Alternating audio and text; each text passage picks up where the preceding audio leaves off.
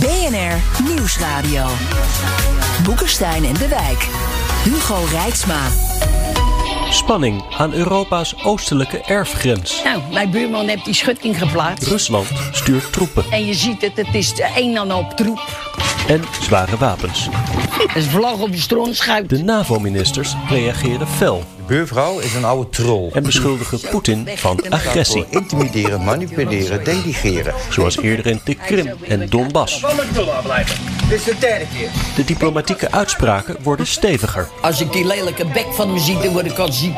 En het risico bestaat op escalatie. Gooi die deur alsjeblieft dicht. Nee, hoe moet, die tuin, hoe moet ik dan die tuin uitkomen? Dan hij is aan jouw Het is eigenlijk wel een beetje hoe het gaat. Hè? Dan geef je dat het gewoon boek en muil. maakt maar mij niet hier uit. zo. Echt. eh, Maar waar Hij zit niet te liegen, Ik want er komt zo niet. bij. Je kan Jij poept in onze tuin. Zit niet Weet te je dat soort liegen. dingen? Er schrijft Rob een boek een rapport over. Deterrence. Ja. Bonje met vuur. Als volwassen mensen met rode koppen tegenover elkaar staan, hoe kan je dan de relatie herstellen? Dat bespreken we bij Boekenstein en de Wijk. Op zoek naar de nieuwe wereldorde. Met in de studio een burenruzie-specialiste Arend-Jan Boekenstein en Rob de Wijk. Ook te huur. Onze gast is oud-secretaris-generaal van de NAVO en tegenwoordig als hoogleraar en voorzitter van de Adviesraad Internationale Vraagstukken. Wel bekend met alle geopolitieke schuttingen, overhangende takken en poepende katten. Welkom, Jaap de Hoop Scheffer. Hallo? Hallo, ja, we zijn er. En meneer de Hoop Scheffer, eh, we weten allemaal als eh, burenruzies uit de hand dreigen te lopen, dan ga je met elkaar praten in Stockholm. Dat is gebeurd, eh, Blinken en Lavrov eh, gisteren. Maar daarna klonken nog steeds vooral veel verwijten en, en bedreigingen. Dat, eh, dat klonk niet best, meneer de Hoop Scheffer. Nee, ik denk niet dat het gesprek heeft ook heel kort geduurd. Want het was eh, ongeveer een half uur geloof ik. Als je daar vertaling aftrekt, dan hou je een kwartier over. Dus dat, dat is, heeft niet, eh, heeft niet eh, gebracht wat, eh, wat ik denk de Russen gehoopt zouden hebben. Want wat de Russen aan het doen zijn is eh, te proberen een eh, bekende tactiek om, om Europa en Amerika uit elkaar te spelen. En om over Oekraïne te gaan onderhandelen boven de hoofden van de Oekraïne en de Europeanen om. Dat, dat is de inzet. En terecht dat, dat Blinken daar niet intrapt, de Amerikanen. Maar Blinken die was wel behoorlijk hard hè? in eh, zijn uitspraken. Toen die, ik hem hoorde zeggen van, eh, dat hij bereid is om hele harde, hoge Ja. kosten op te leggen aan Rusland. als ze ook maar één poot uitsteken naar Oekraïne. Dan, Ja. eh, dan ontstaat er een probleem. En hij, hij, hij heeft, hij heeft het over severe costs. Dat, dat, dat, we tijdens de Koude Oorlog eh, Ja. noemden we dat de inzet van kernwapens, bij wijze van Nou, hij, is, spreken. hij is, de, hij is de, de prijs aan het opdrijven. eh, eh, de prijs voor Poetin aan het opdrijven van, van, van onverstandige besluiten. Die ik overigens niet uitsluit. Ik denk dat op dit moment de kans ongeveer 50-50 is dat hij wel of niet tot, tot handelen overgaat. Wat dat betreft is het scenario niet helemaal vergelijkbaar met hoe het enige tijd geleden was. Maar het, het, het punt is op dat, dat je, je kunt als, als Blinken en ook als NAVO, ik hoorde mijn op opvolger Stoltenberg, die roept dan het is onacceptabel. Maar wat komt er voor de NAVO dan na onacceptabel? Ja, Oekraïne is geen lid, er is geen artikel 5. Ja. Dus als je over sancties praat, dan denk ik, en ik denk dat jullie dat met mij eens zijn, dan denk ik eerder aan de Europese Unie, eerlijk gezegd, dan aan de NAVO. Ik ook, ja. Ja. Nee, maar ik bedoel, de, de, de taal, en daarom gaf ik net even dat citaat ook van Blinken. Dat is de taal die we kennen uit de Koude Oorlog. Ja. Eh, en Ja. eh, dat vind ik redelijk verontrustend. Ja, ik weet eh, niet, uh, Arend-Jan, wat jij ervan Nou, vindt, ik, ik heb daar wel een vraag. Ik heb een vraag aan zowel Rob als, als, als Jaap. Kijk, als je dit, dit soort dreigende taal gebruikt, hè, terwijl je eigenlijk helemaal niet zoveel deterrence of afschrikking hebt, omdat we geen artikel 5 hebben, we geen NAVO-situatie, dan is dat eigenlijk ook niet echt afschrikking natuurlijk. Hè? Is het is niet zo geloofwaardig. Ik zit altijd te denk- te denken aan Obama eh, bij, die, bij die inval van de Krim, die, die ook letterlijk zei: wij gaan. eh, Hij zei toen nog van: ja, wij gaan natuurlijk niet ons militair daarin mengen. Hè? Dat doet Blinken, ah, laat dat allemaal een beetje boven de markt. eh, hoewel Ja, die, ja. En, en, en daarom, noem- noemde ik de Europese Unie. Kijk, je, je, kunt, je kunt in ieder geval de prijs opdrijven door te zeggen... eh, je, moet, je moet er niet op rekenen dat Nord Stream 2 ooit in bedrijf komt... op het moment dat jij Oekraïne nu, nu binnenvalt. Dat is één. Twee, ook weer de Europese Unie. eh, eh, een hele zware sanctie is, is Rusland uit het internationaal bankensysteem gooien, uit SWIFT. Kijk, dat, dat zijn bijtende sancties en, en daar moet je de prijs mee opdrijven. En daarom zeg ik, dit, dit is ook een, een, een, klok die slaat voor de Europese Unie. Ja. Eh, uiteraard ook voor de NAVO. Eh, maar ja, de NAVO zit met het probleem eh, wat, wat al, al teruggaat tot 2008. Waar de NAVO naar mijn opvatting eh, een communiqué heeft gegeven. Het was gedurende mijn mandaat na een geweldige ruzie tussen Frankrijk en Duitsland enerzijds en, en Bush, de Amerikanen, anderzijds.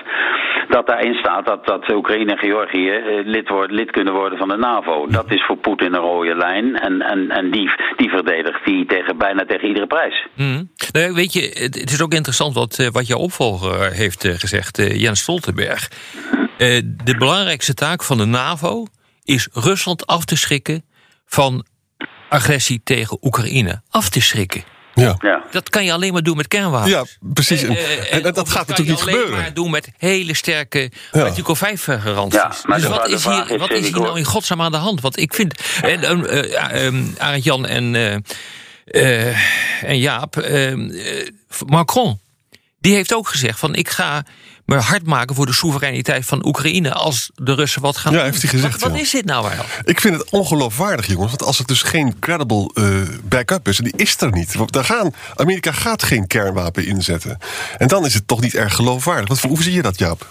Ik zie dat zoals jij dat nu formuleert. Ik, ik kan mij niet voorstellen, eh, maar Rob's vraag is volstrekt terecht. Ik kan mij niet voorstellen dat de NAVO, eh, en ik zeg daar dan even bij, mogelijk als eerste, moet je even nagaan, als eerste een, een kernwapen zou inzetten. Eh, dus wat, wat dat betreft ben ik het met jou eens, Arend Jan, dat deze taal inderdaad Rob spijkerhard is. Maar wat, wat, wat zit erachter? Ik, ik, ik herhaal mezelf. Als de Europese Unie zou zeggen: je wordt uit het bankensysteem gegooid, Nord Stream 2 komt nooit in bedrijf. en noem daar maar een andere eh, aantal hele hard bijtende sancties achteraan. Dat, dat, is, dat is afschrikking. Ja. Eh, Veel, veel meer, eh, veel meer eh, dan vanuit de NAVO dreigen met, met een wapen wat je in feite niet, niet zal gaan inzetten. Nee, maar dan heb je toch wel een groot probleem als je dit, dit doet. Exact. Ja. In termen van, van geloofwaardigheid. Exact. Want- Want dit gaat toch betekenen dat je eigenlijk een tegenstander, in dit geval eh, de heer Poetin, eigenlijk bijna gaat uitnodigen om te kijken hoe ver die kan gaan. En, en laten we wel wezen, Poetin heeft het natuurlijk volkomen door dit. Hè? Je hebt Die wel eens- dezelfde analyse Ja. die wij nu maken. Ja, hey, en Rob, jij hebt wel eens uitgelegd een jaar geleden dat de, de Russen hebben dus een hele lage staatsschuld, hè? maar ze hebben ook een alternatief bedacht voor SWIFT. Ja, nee, er is een intern, eh, intern SWIFT-systeem op dit ogenblik. Dat was ook even de discussie die we hebben eh, gehad met eh, Wit-Rusland. Toen zeiden we, oh, gooien we uit SWIFT. Dat hoorden we dus ook in de Tweede Kamer, ook in het Europarlement. Maar die is al lang aangehaakt eh, bij het Russische SWIFT. Dus daar, ook, ook China is er een, een aan het houden, een het maken. Dus oh, die, die, dat is ook steeds minder effectief. Maar even, even één stapje terug, want dit zou allemaal al dan niet kunnen gebeuren als Rusland daadwerkelijk iets doet richting Oekraïne. En Rob, ik hoorde jou eerder niet zo heel erg gealarmeerd over die Russische troepenopbouw en dat ze daadwerkelijk iets. eh, Nee, maar dit staat ook wel los van die Russische troepenopbouw. Althans, de dreigingen die hiervan uitgaan. Dit is veel meer een dreiging die uitgaat van onszelf, omdat we retoriek gebruiken. eh, die niet onderbouwd kan worden. En dat is een uitnodiging voor een tegenstander. Om te gaan testen. Om, om avonturisme te gaan, eh, eh, te gaan plegen. Maar als je gewoon kijkt waar die troepen zitten. Eén is in Jelnia. eh, daar, daar, ligt een, eh, daar is een, een grote eenheid eh, gestationeerd. Dus op zich vreemd dat hij daar naartoe gaat. Want dat is namelijk een eenheid die een rol moet gaan spelen... ehm, eh, bij de aanval op Polen. Eh, dus niet Oekraïne. Eh, dus dat is, op zich is dat wel merkwaardig. En bovendien ligt, eh, ligt dat voor de grens van Wit-Rusland en niet voor Oekraïne. Dus het ligt ook gewoon dat er oh, verder. ja, wat, wat wel verontrustend is, is de troepenopbouw bij Rostov aan de Don. En dat ligt eigenlijk ten oosten van, van Oekraïne, zeg maar, een beetje Ja. op de hoogte van, van de Krim. Dat is op zich wel Hm. verontrustend wat daar gebeurt. En dat is nieuw. Hoe kijkt u, meneer de Hoopscheffer, naar al die troepenbewegingen? Nou ja, het, het, ga- het gaat er daarbij om, en, en, en, Rob geeft dat aan, eh, waar zonder verdere waarschuwing vooraf, eh, gezien de legering, de geografische positie van troepen, een, een, een, een aanval eh, kan worden ingezet. Ik denk even aan, aan 2008 en Georgië, waar natuurlijk ook zo'n opbouw had plaatsgevonden en, en, en waar met een vingerknip, bij wijze van spreken, die, die machine in, in, in, in de aanval kon gaan. En en dat is een situatie eh, waarin we nu voor een deel dan, als ik Rob goed beluister, eh, ook, ook eh, zijn beland. Ja. Namelijk dat er zonder veel waarschuwingstijd vooraf kan worden opgetreden. Dat wij s ochtends op een ochtend wakker worden met de mededeling van er zijn Russische troepen de grens van de Oekraïne overgestoken. Ja, dat kan, maar dus niet vanuit het noorden. Nee, dat lijkt nee. mij ook buitengewoon onverstandig om dat te doen. Eh, want eh, dat is niet het Russische gebied, hè, het noorden van, eh, van Oekraïne. Dus dat ga je dus niet doen. Dat is, eigenlijk is dat gewoon zelfmoord als je dat eh, gaat doen. Maar aan de zijkant of aan de onderkant kan dat wel gebeuren. Ja, dat, ik, ik denk erop dat de ambitie nog, nog altijd zou kunnen zijn. Ook het, het, het, het organiseren en creëren van een, van, een, van een landverbinding met de Krim. Hè? Ja, de corridor. Ja. Ja. De, cor- de kijk, corridor, precies. Ja, als, eh, als ik dus ehm, ehm, Poetin goed heb beluisterd, dan zegt hij voor mij is het een brug te ver. En daar weet jij alles van, eh, Jaap.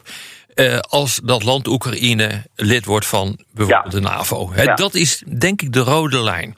En als je nou ziet wat er aan de achterkant eh, gebeurt. eh, dus Oekraïne, het parlement. Nou, die hebben allerlei manoeuvres in de richting van NAVO-lidmaatschap ingezet. Dat wil niet zeggen dat ze het zullen gaan worden. Maar het is wel gedaan. Eh, dan is al vrij snel eh, de conclusie getrokken dat ze ook lid worden. En dat is natuurlijk niet zo. Maar wat zit hier nou achter? En is niet eh, de, de, grote, de grote fout die hier ooit gemaakt is... dat toch dat perspectief als NAVO-lidmaatschap Ja, is eh, ik, ik, Rob, ik heb dat ook publiek gezegd. Daar ben ik zeer door bekritiseerd, over bekritiseerd. Maar ik, het was tijdens mijn mandaat dat, dat op die top in Boekarest in april 2008... 2008, die geweldige, geweldige conflict ontstond tussen Merkel en Sarkozy enerzijds... Duitsland, Frankrijk en, en Bush. Eh, Cheney heeft daar een bepaalde rol gespeeld. Want ik kan jullie wel vertellen, eh, ik heb dat ook eerder gezegd... dat, dat zowel Condoleezza Rice, Buitenlandse Zaken... als Bob Gates, Sec, Sec Defensie... als ook Stephen Hadley, Nationale Veiligheidsadviseur van Bush... die zagen daar niks in. Die hebben me de, de ochtend, de, de avond... tijdens een diner, voordat ik naar Bush zou gaan... om die top voorbereiden, gezegd... wij zijn daar niet voor, maar we weten niet... wat de commando-in-chief je gaat vertellen morgen. En dat was precies het andere verhaal. Mhm. En, da- en daar is dus die rel in Boekarest uit voortgekomen. Dat heeft geleid tot die zinsnede... they will become NATO-members, eh, Oekraïne en, Ge- en Georgië. En de volgende morgen sprak ik Poetin eh deux. Eh, dat ging ook over moeilijke onderwerpen als, als, als raketverdediging, et cetera. Maar toen startte hij de conversatie met mij. En ik denk dat ik hem vrijwel letterlijk citeer. Met Secretary General, you will understand this will not be. En toen ik vroeg wat hij daarmee bedoelde... eh, was zijn antwoord... ik neem aan dat u uw eigen communiqué gelezen heeft. En ik, ik trek van dat moment een rechte lijn... naar Georgië augustus 2008... naar de Krim 2014. En die lijn wordt nu doorgetrokken. En die is rood. BNR Nieuwsradio. Boekenstein en de Wijk.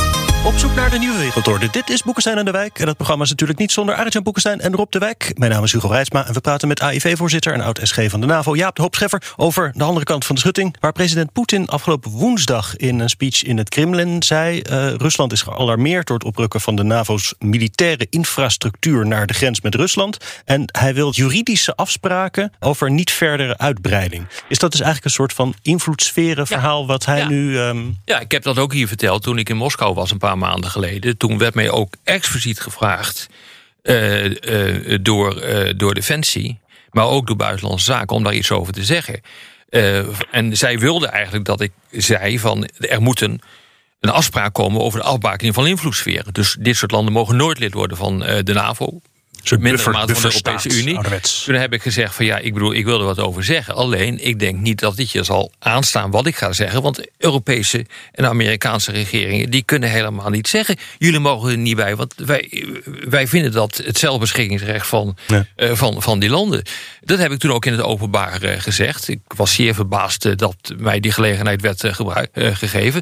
Maar ja, dat is toen, toen wel gebeurd. Maar de grote vraag is langzamerhand, eh hoe komen we hier nou uit? Kijk, wat ik heel goed vind, is dat, ehm, eh, dat Biden heeft in Genève met Poetin gesproken. Eh, nu Blinken, eh, die spreekt met, eh, met Lavrov. Ze hebben ook aangegeven dat ze hun basis zullen debriefen. Dat is prima. Wat, maar wat doen wij Europeanen nou eigenlijk? Ru- Rutte die, die blokkeert alles om naar Moskou te gaan. Ik, ik heb daar wel zorgen over. We praten niet meer. Dus we hebben ruzie. En we praten niet. Dat is wel een slechte combinatie hoor. Maar, even een vraag aan Jaap, ook aan Rob. Van het- het idee dat Oekraïne lid van de NAVO wil worden... dat wil Oekraïne natuurlijk zelf heel graag. Maar er is geen schijn van kans dat dat gaat gebeuren. Dat zal, dat zal de nieuwe Duitse regering, maar ook eh, Parijs... eh, heeft daar geen behoefte aan. Want dat betekent echt eh, dat de situatie heel gevaarlijk wordt. Klopt dat, Jaap? Ja, dat klopt. Die analyse is juist. Ik heb in, in, nog in Berlijn, nog in Parijs ooit enig enthousiasme bespeurd. En daarom hadden we toen in Boekarest, maar ze allemaal crying over spilled milk, hadden we toen in Boekarest een, een, een, een formule moeten gebruiken die, die, die, eh, die eh, milder was dan, eh, dan de formule die er nu staat. Ik begrijp achteraf overigens niet waarom Frankrijk en Duitsland uit, uiteindelijk akkoord zijn gegaan met die formule. Ja, ik weet wel waarom, omdat er geen tijdshorizon in staat. Maar daar trekt Poetin zich dan weer niks van aan. Dat leest hij uiteraard niet. Maar hoe kom je nou uit? Jaap? Nou, ik, waar, waar, ik, waar ik uitkom uh, is, is dat er op enige wijze uh, gesproken moet worden. En dat wij als Europeanen, als Poetin en Biden met elkaar gaan praten, uh, daarvan kennis moeten nemen. En, en hopen dat dat de lucht enigermate zal, zal, zal opklaren. Poetin, Poetin is natuurlijk een, een, een hele effectieve slachtofferspeler. Hè? Ja. Lavrov kan dat ook. De Russen, de Russen zijn, zijn, zijn, hebben de kunst van het slachtofferspelen geperfectioneerd. Want NAVO-infrastructuur uh, in, in, in, in de richting van Rusland. Ja, wat bedoelen ze daarmee? Steun aan, aan het Oekraïense leger, die natuurlijk verleend is in antitank, uh, antitank drones en, en wat, wat hier meer zei. Uh, ik, ik, ik zie dat, ik zie dat de Amerikanen niet zeggen: nee, daar, daar houden wij mee op.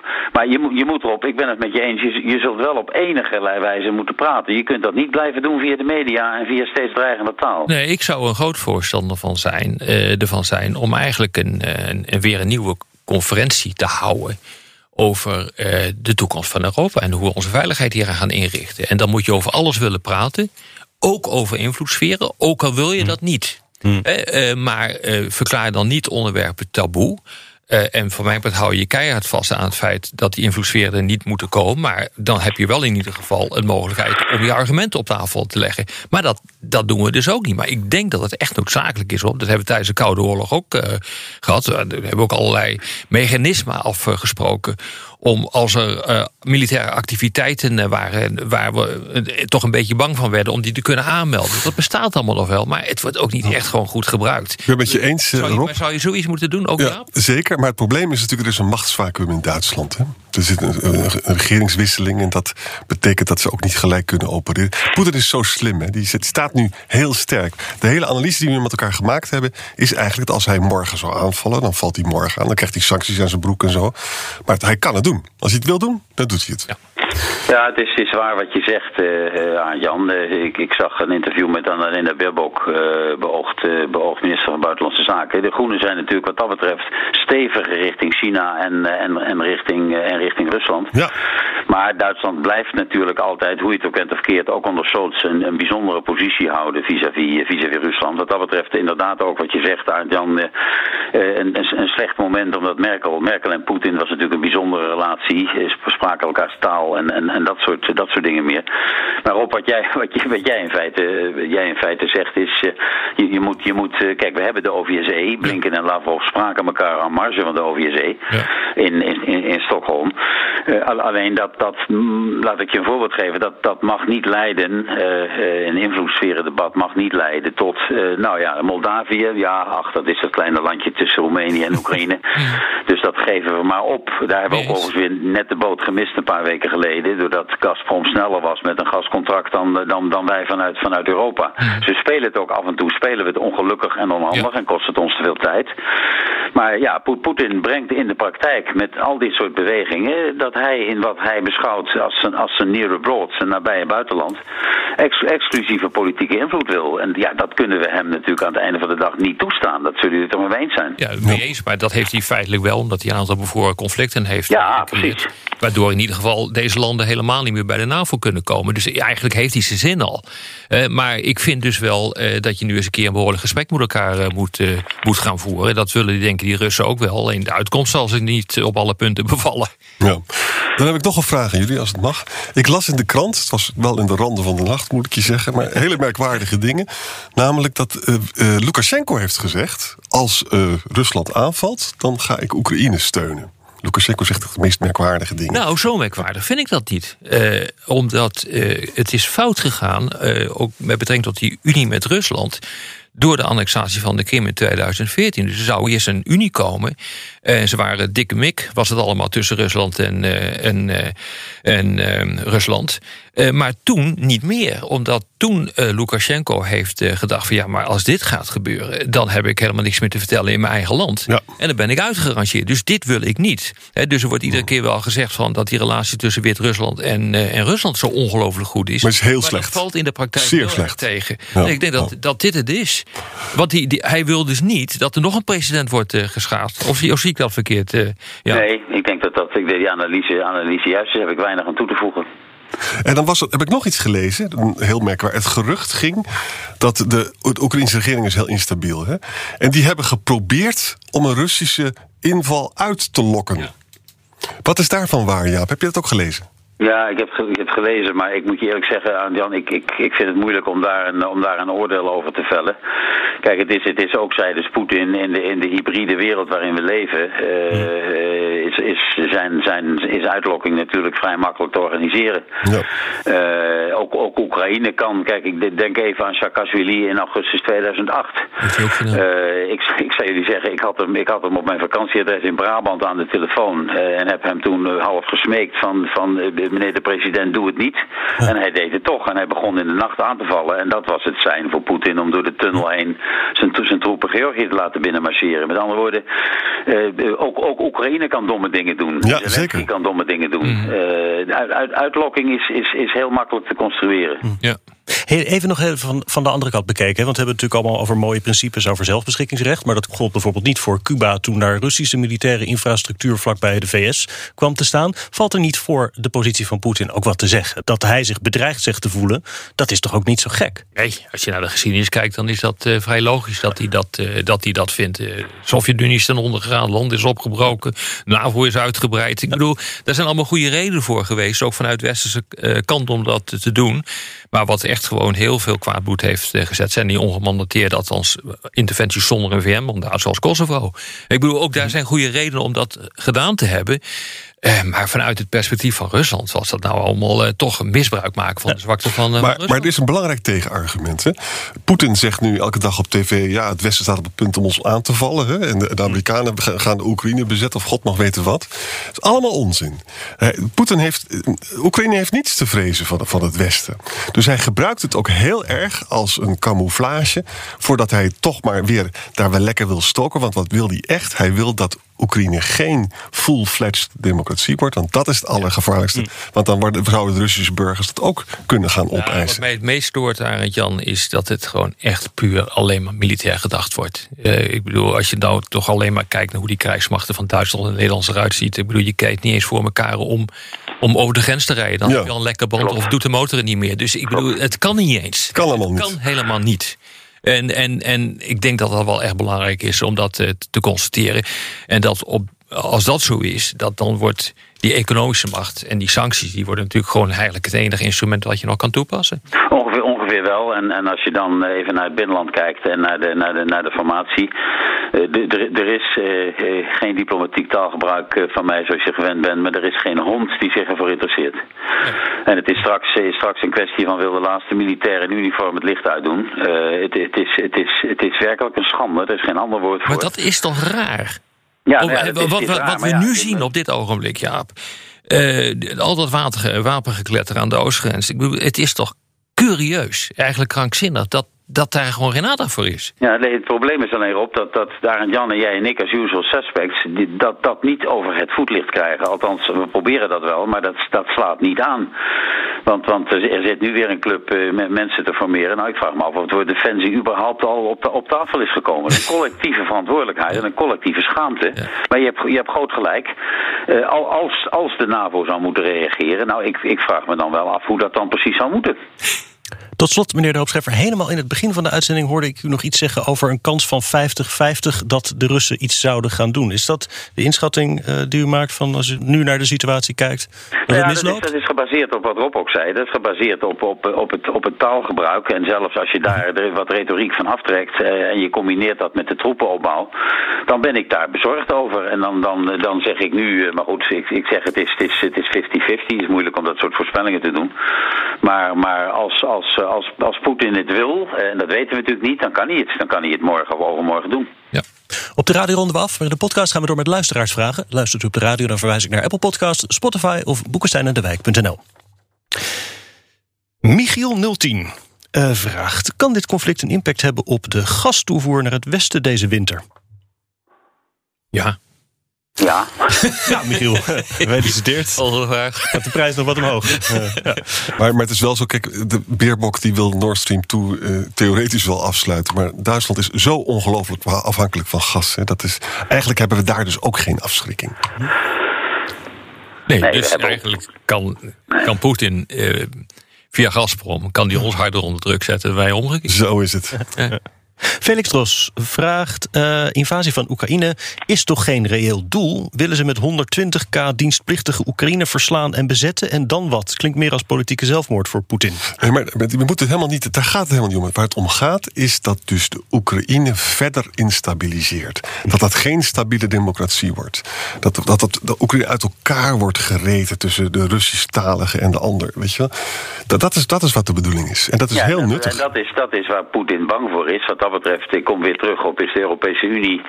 Een Europese Unieband tussen, te- met de Oekraïne buitengewoon belangrijk. Poetin, Poetin is bang dat Oekraïners op een bepaald moment Polen worden. Wat bedoel Ja, ik daarmee? Kijk naar de ontwikkeling van Polen sinds de toetreding tot de Unie.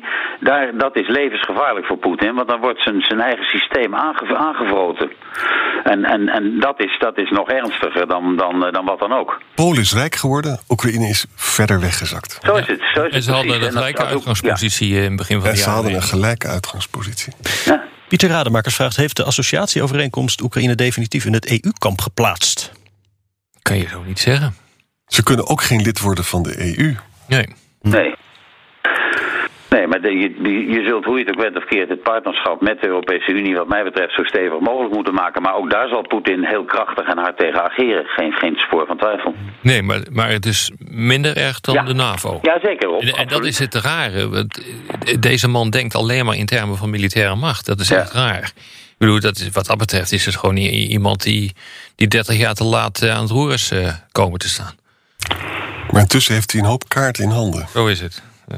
Casper Silvis vraagt: In hoeverre is destabilisatie van Oekraïne een probleem voor het Westen? En zou Rusland agressiever worden richting andere democratieën als we niet voor Oekraïne opkomen? Nee, dat denk ik niet. Hij heeft, precies wat Jaap zei, eh, enorm veel belang bij een, een ontregelde Oekraïne... die geen lid kan worden van de NAVO. Want daarmee heeft hij gewoon een bufferzone gecreëerd. Ja. En eh, hij gaat echt niet rotzooien dan eh, binnen de NAVO. Dat, dat, dat lijkt mij zeer onverstandig. Kijk, als je met Polen wat gaat doen, dan is artikel 5. Hè? Dan, dan hebben we een Nee, derde dat, dat, dat is heel wat anders. Maar ik, ik, denk, ik, ik, ik kijk ook weer even naar het kleine Moldova, Moldavië. Eh, waar, waar die dus eh, via het gas nu de strop om de nek heeft. Eh, dat, dat, zijn, dat is ook een land waarvan ik zeg, daar moet de Europese Unie meer aandacht aan besteden. Om alvast alleen maar om te voorkomen dat het, er zit nu een, een, een, een westers georiënteerde president, premier. Nou ja, goed, dat, dat, dat kan ook weer zo afdrijven en kan, kan bij de volgende verkiezingen weer, weer, weer anders zijn. Onder het motto, waar krijgen we ons gas vandaan? En dat is ook een land waar, waar Transnistrië al, al, al eindeloos is afgescheiden. Een van die frozen conflicts die, die, die Rob eerder noemde, die heb je in Georgië, die heb je in, in, in, in Moldavië, die heb je in Nagorno-Karabakh, overal. En overal zitten de handen van de Russen in. Ja. Maurice vraagt: Is het mogelijkerwijs noodzakelijk om de landsgrenzen aan het oosten van Oekraïne te verschuiven in de invloedssfeer van de Russische Federatie en het westelijke deel van Oekraïne, waar de bevolking pro-Europeeser is, nog meer te betrekken bij de EU? Dat, ook dat zal Poetin niet accepteren. niet, nou ja, dat je het opdeelt. Ik weet Ja. niet of hij dat bedoelt, maar Nee, dat, dat zou... dat zou op die conferentie van jou misschien kunnen. Nee, dat is nooit eh, te sprake gekomen waar ik bij ben geweest. Maar ja, dat zegt nu niet alles. Maar, Poetin, maar- Poetin heeft zijn eigen opvatting natuurlijk over de territoriale integriteit van Oekraïne. hè. En, Ja. en, eh, hij, hij weet donders goed dat ze, dat ze in het westen op Polen zijn gericht. Maar nogmaals, het risico eh, is dat Oekraïners Polen worden. En dat zal hij ten alle kosten voorkomen. Ja. exact. Ja. Ja, en dan heb je natuurlijk van die ideeën als Novorossia... waar je trouwens niet meer zoveel over hoort. Bakermat van eh, Rusland ligt natuurlijk inderdaad in, in Oekraïne. Absoluut. Dus hij zal dat niet zo snel eh, ook willen laten gaan, hoor. En hij noemt al en, die... dat, en, dat, en dat geldt, misschien nuttig om dat toe te voegen, dat geldt, dat geldt natuurlijk ook voor een groot deel van de Russische bevolking. Want, want Kiev van Roes 988 na Christus, hè, de, de, de, de, de bekering tot, tot de Russisch-Orthodoxe Kerk van de toenmalige leider, dat is niet alleen een Poetin-verhaal, dat is een Russisch verhaal. Absoluut. ja. Een pan- een pan-Russisch verhaal, om het zo te zeggen. De sleutels van Kiev liggen in de ziel van Rusland eh, besloten. Ja, dat. Veel vragen over eh, bufferstaten en invloedssferen, ehm, waaronder een heel uitgebreid voorstel, zou ik bijna zeggen, van Maarten van Stemvoort. Die eh, zegt: eh, stel dat je nou een Unie gaat oprichten die als bufferzone dient tussen de EU en Rusland. Een Unie waarin Rusland, de EU, aangrenzende lidstaten van de EU en landen als Oekraïne en Belarus erin vertegenwoordigd zijn. Met als doel eh, stabiliteit en welvaart te creëren. Finlandisering. Ja, De neutraliteit. ja maar dat, nee, nee, nee, dus. Nee, Poetin wil dat niet, want neutraliteit zou ook kunnen leiden tot een, eh, een, minder dysfunctioneel Oekraïnse staat. En dan, Ik weet het Ja, niet. ja. Als dat niet de uitkomst zou kunnen zijn van een discussie die je hebt. Dat, eh, kijk, Oostenrijk is, is, is ook neutraal. Eh, wel lid van de Europese Unie. Eh, het zou me niet verbazen dat als je nou echt gewoon met het mes op de keel gaat onderhandelen. dat een soort neutraliteit eruit zou kunnen komen. Maar dan moet het. Maar Poetin Maar dan wil moet- niet dat dan het moet, slaagt. dan, moet, dan moet Oekraïne dat dus wel zelf voorstellen. Want dat gaan wij dus niet opleggen. Nee, dus er zit, er zit natuurlijk, eh, Rob heb je wel een punt, er zit in het Europese, het West-Europese DNA zit nogal wat neutraliteit. Hè? Ja. Nederlands ook. En, en, en in ons DNA ook, nou, eh, precies, absoluut. Limbo Trader vraagt: waarom hebben we het zo ver laten komen met Rusland? We krijgen constant cyberaanvallen en doen niks terug. Dan gaat giftige Vladimir inderdaad steeds verder. De Merkel-doctrine werkt niet. Rancune. Gewoon echt rancune over en weer. Hè, De ondergang van de Sovjet-Unie, grootste geopolitieke tragedie van de 20e eeuw. Ja, eh, dit is een land dat, eh, eh, ja, dat zich echt gewoon in de hoek geschopt voelt. Het is eigenlijk hetzelfde als, Rus als China. Hè, die heeft dat, datzelfde gevoel van rancune. eh, of, en vernedering. En De eeuw vernedering. van de vernedering, ja, precies. Ja. En is de Europese positie dan te soft om daar een eind aan te maken? Nee, dat, Nee, dat, Nee. dat, nee, Nee, wat, zou, niet. wat zou je moeten? Wat, wat, wat zou een hard positie dan in moeten houden? Dat is niet helemaal duidelijk. nee, dat kun je zo niet zeggen.